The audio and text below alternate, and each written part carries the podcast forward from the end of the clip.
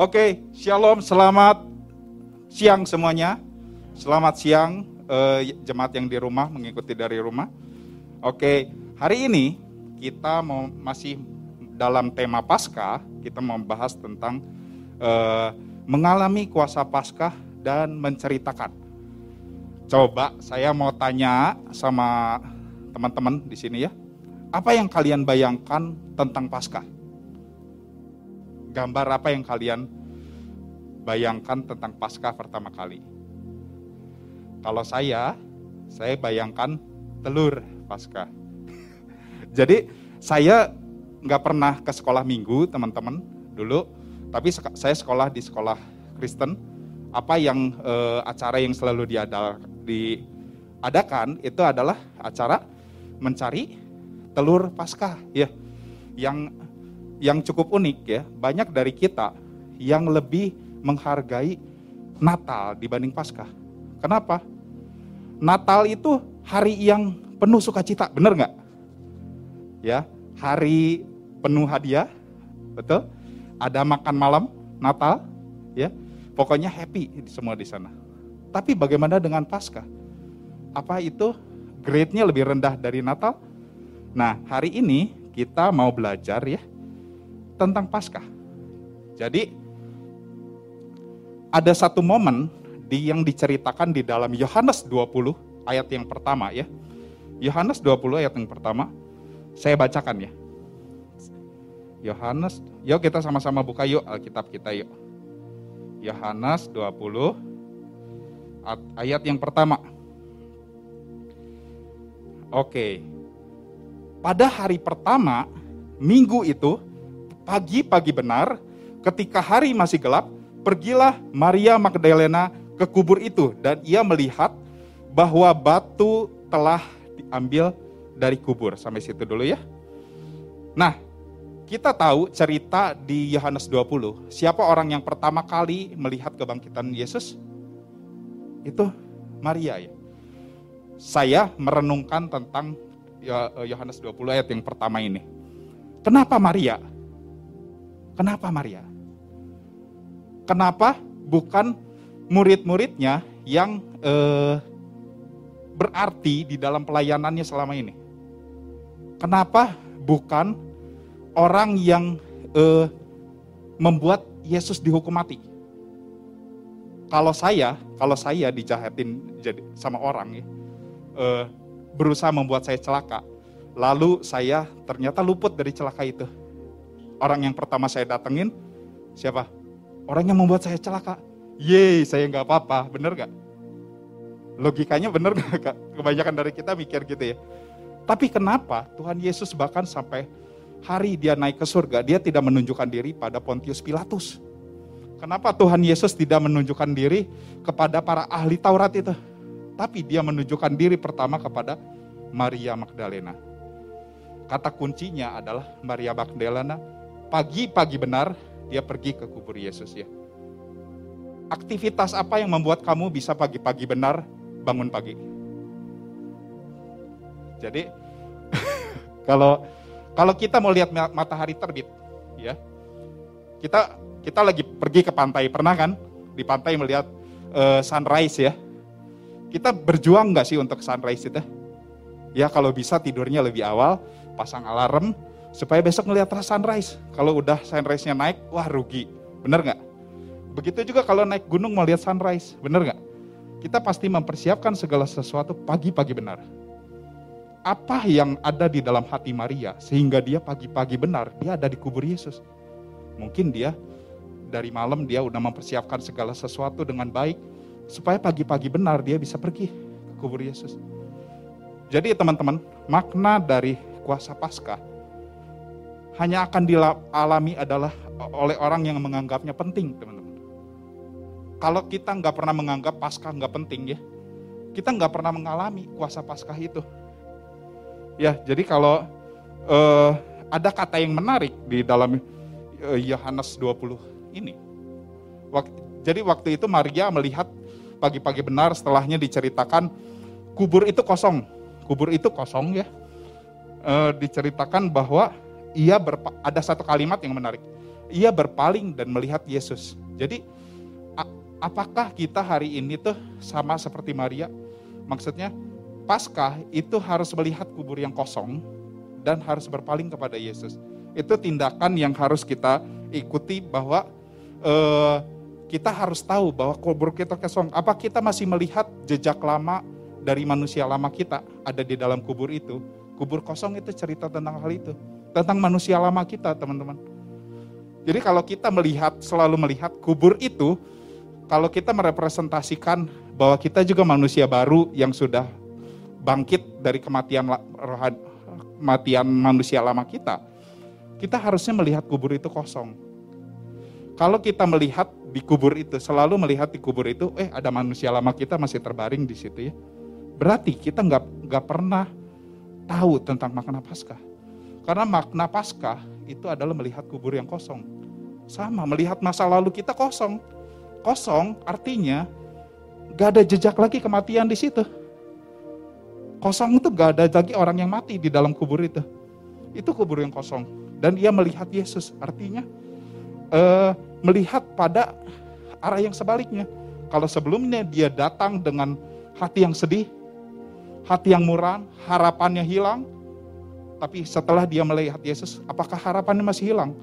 dia melihat harapan yang baru.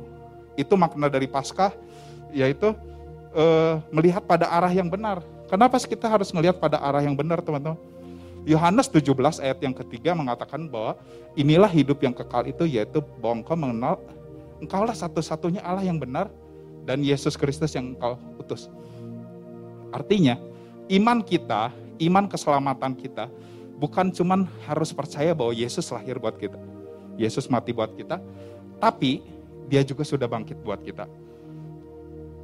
Jadi saya ibaratkan seperti ini teman-teman.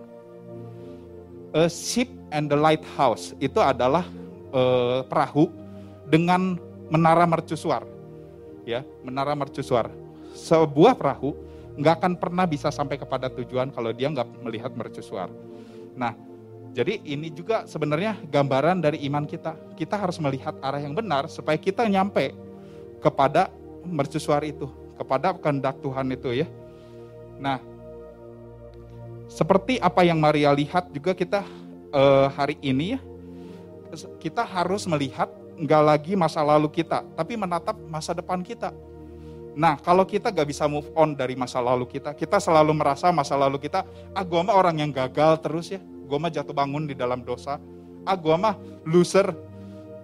Apa itu cara hidup kita sebagai orang eh, yang percaya bahwa Tuhan telah bangkit, harusnya kita nggak lihat lagi masa lalu, kita melihat kepada masa depannya.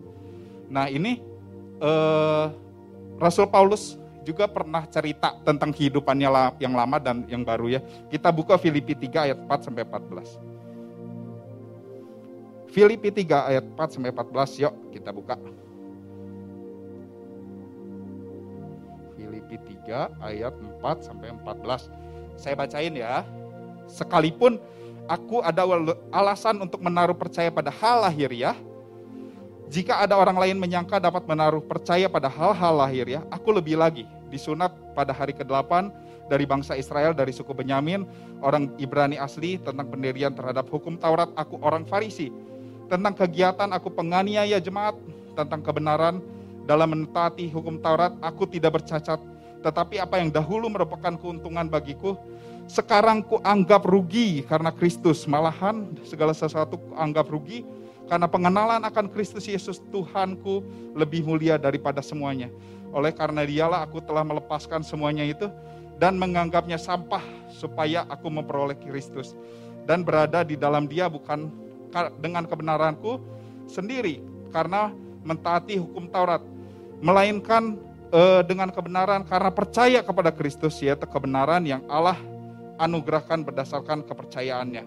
Yang kuhendaki ialah mengenal dia dan kuasa kebangkitannya dan persekutuan di dalam penderitaannya, di mana aku menjadi serupa dengan dia di dalam kematiannya, supaya aku akhirnya beroleh kebangkitan dari antara orang mati.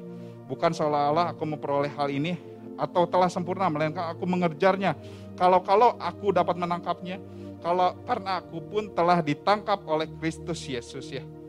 Jadi uh, tentang Rasul Paulus ya, tentang Rasul Paulus. Jadi dia cerita bahwa uh, Paulus cerita ini dalam kondisi di penjara di kota Roma ya.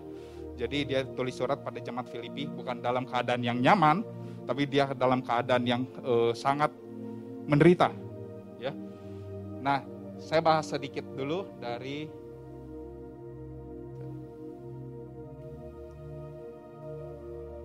Nah, teman-teman pernah main kartu werewolf nggak?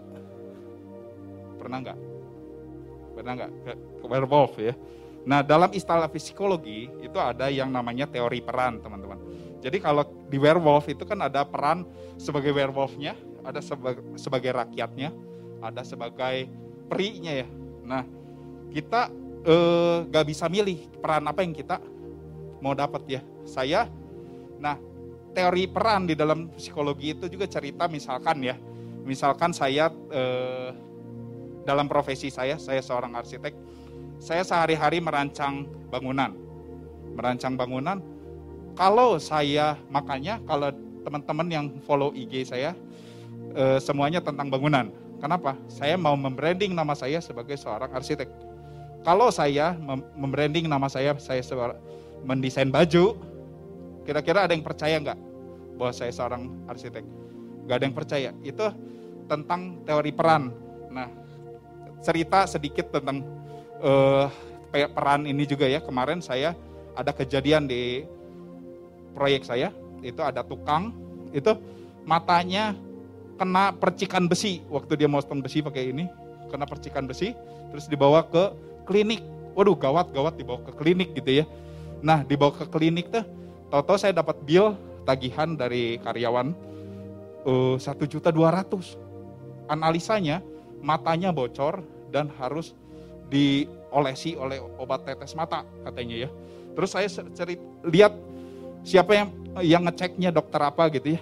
Dia tulis Mister One Sarjana Ekonomi. Percaya nggak teman-teman?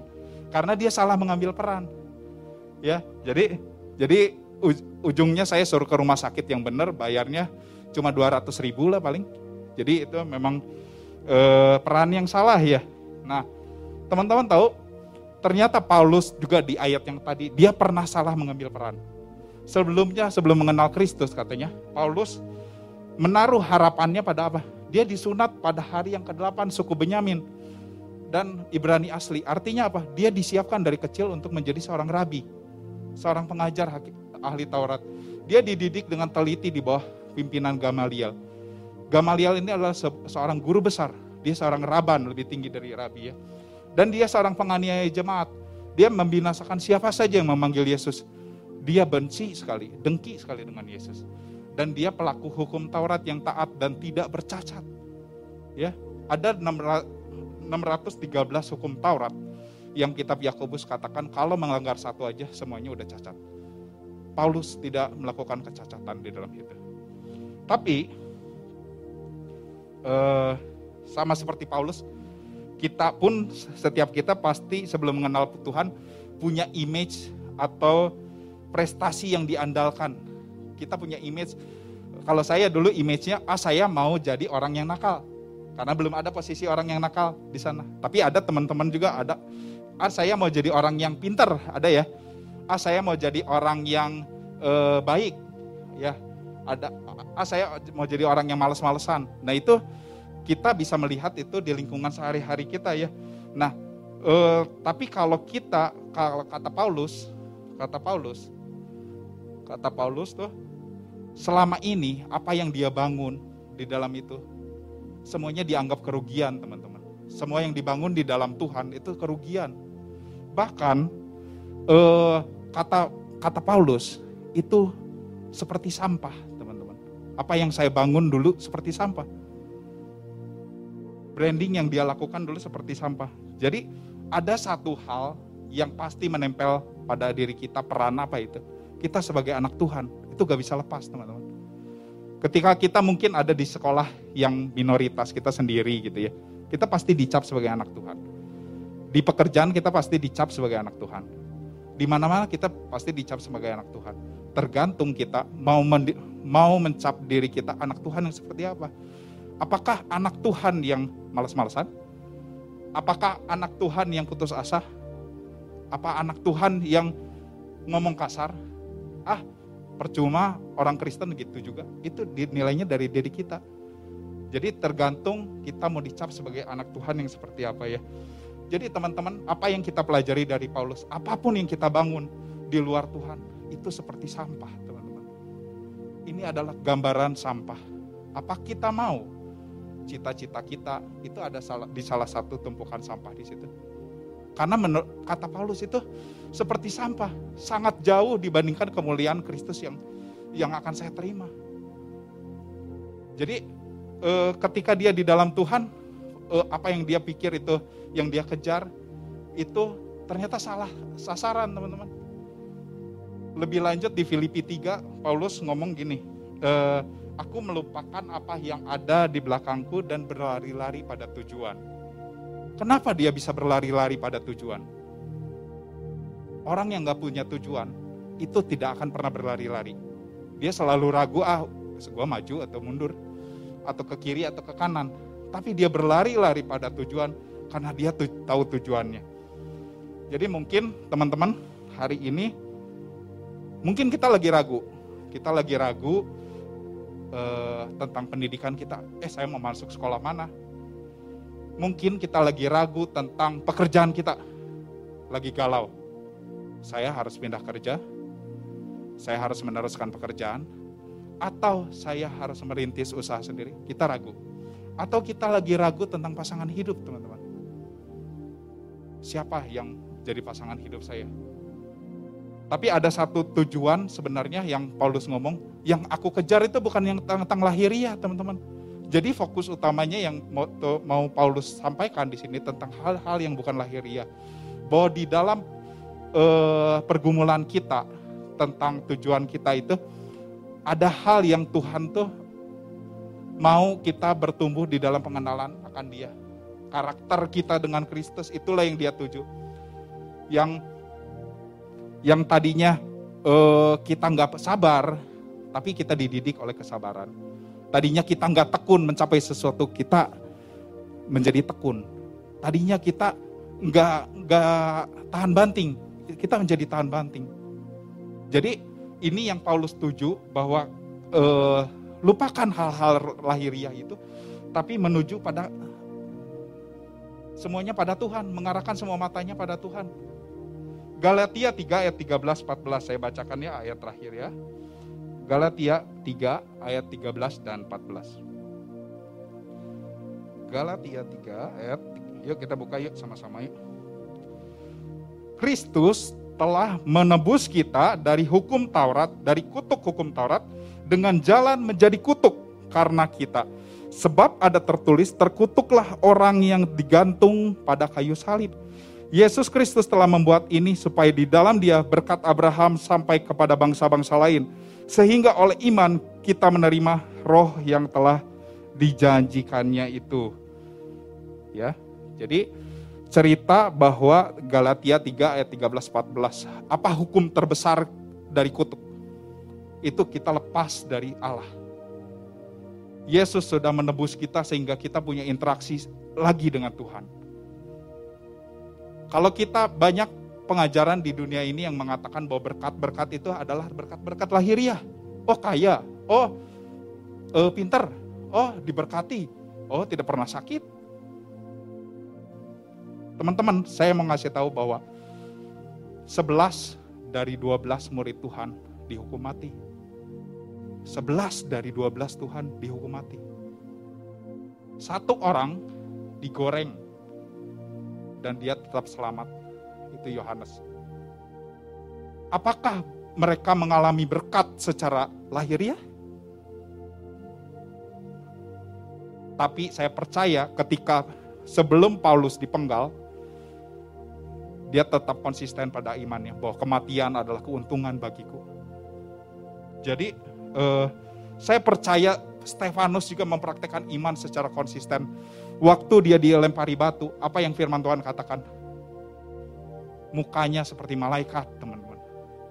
dia nggak melihat batu itu yang akan membunuh dia. Dia melihat Kristus. Jadi teman-teman, yuk kita punya cara pandang yang berbeda dari dunia ini. Kalau diberkati itu harus kaya, harus pinter, oh harus sempurna, oh harus tidak pernah gagal. Tapi kata Paulus, jangan kita kejar hal-hal yang tidak lahir, yang lahiriah itu. Tapi ayo kita punya persepsi yang sama bahwa orang yang diberkati Tuhan itu harus punya apa? Perubahan hidup, teman-teman. Ya selalu ada perubahan hidup, sekalipun himpitan dunia ini begitu berat. Ya, jadi orang yang e, diberkati Tuhan, bukan imannya nggak pernah ada himpitan, tapi dia selalu menang lawan himpitan itu. Makna kata Israel kita adalah kata kitab e, kalau nggak salah Roma, kita adalah orang-orang Israel yang baru ya. Kita adalah orang-orang Israel yang baru. Makna Israel ketika Yakub diberikan nama Israel di Sungai Nial ya, betul ya? Nah, kenapa? Dia bergulat dengan Allah. Kita adalah orang Israel baru. Kita adalah orang yang baru. Artinya apa? Kita adalah orang-orang yang bergulat dengan Allah dan kita menang. Itu arti nama Israel. Jadi bukan artinya ketika kita adalah orang yang percaya, kita bebas tanpa himpitan, tapi kita selalu bergumul dengan Allah, apa pun masalah kita, kita bergumul dengan Allah dan kita menang. Itu adalah jaminan. Mana ada jaminan seperti itu? Itulah e, sebenarnya yang harus kita pahami tentang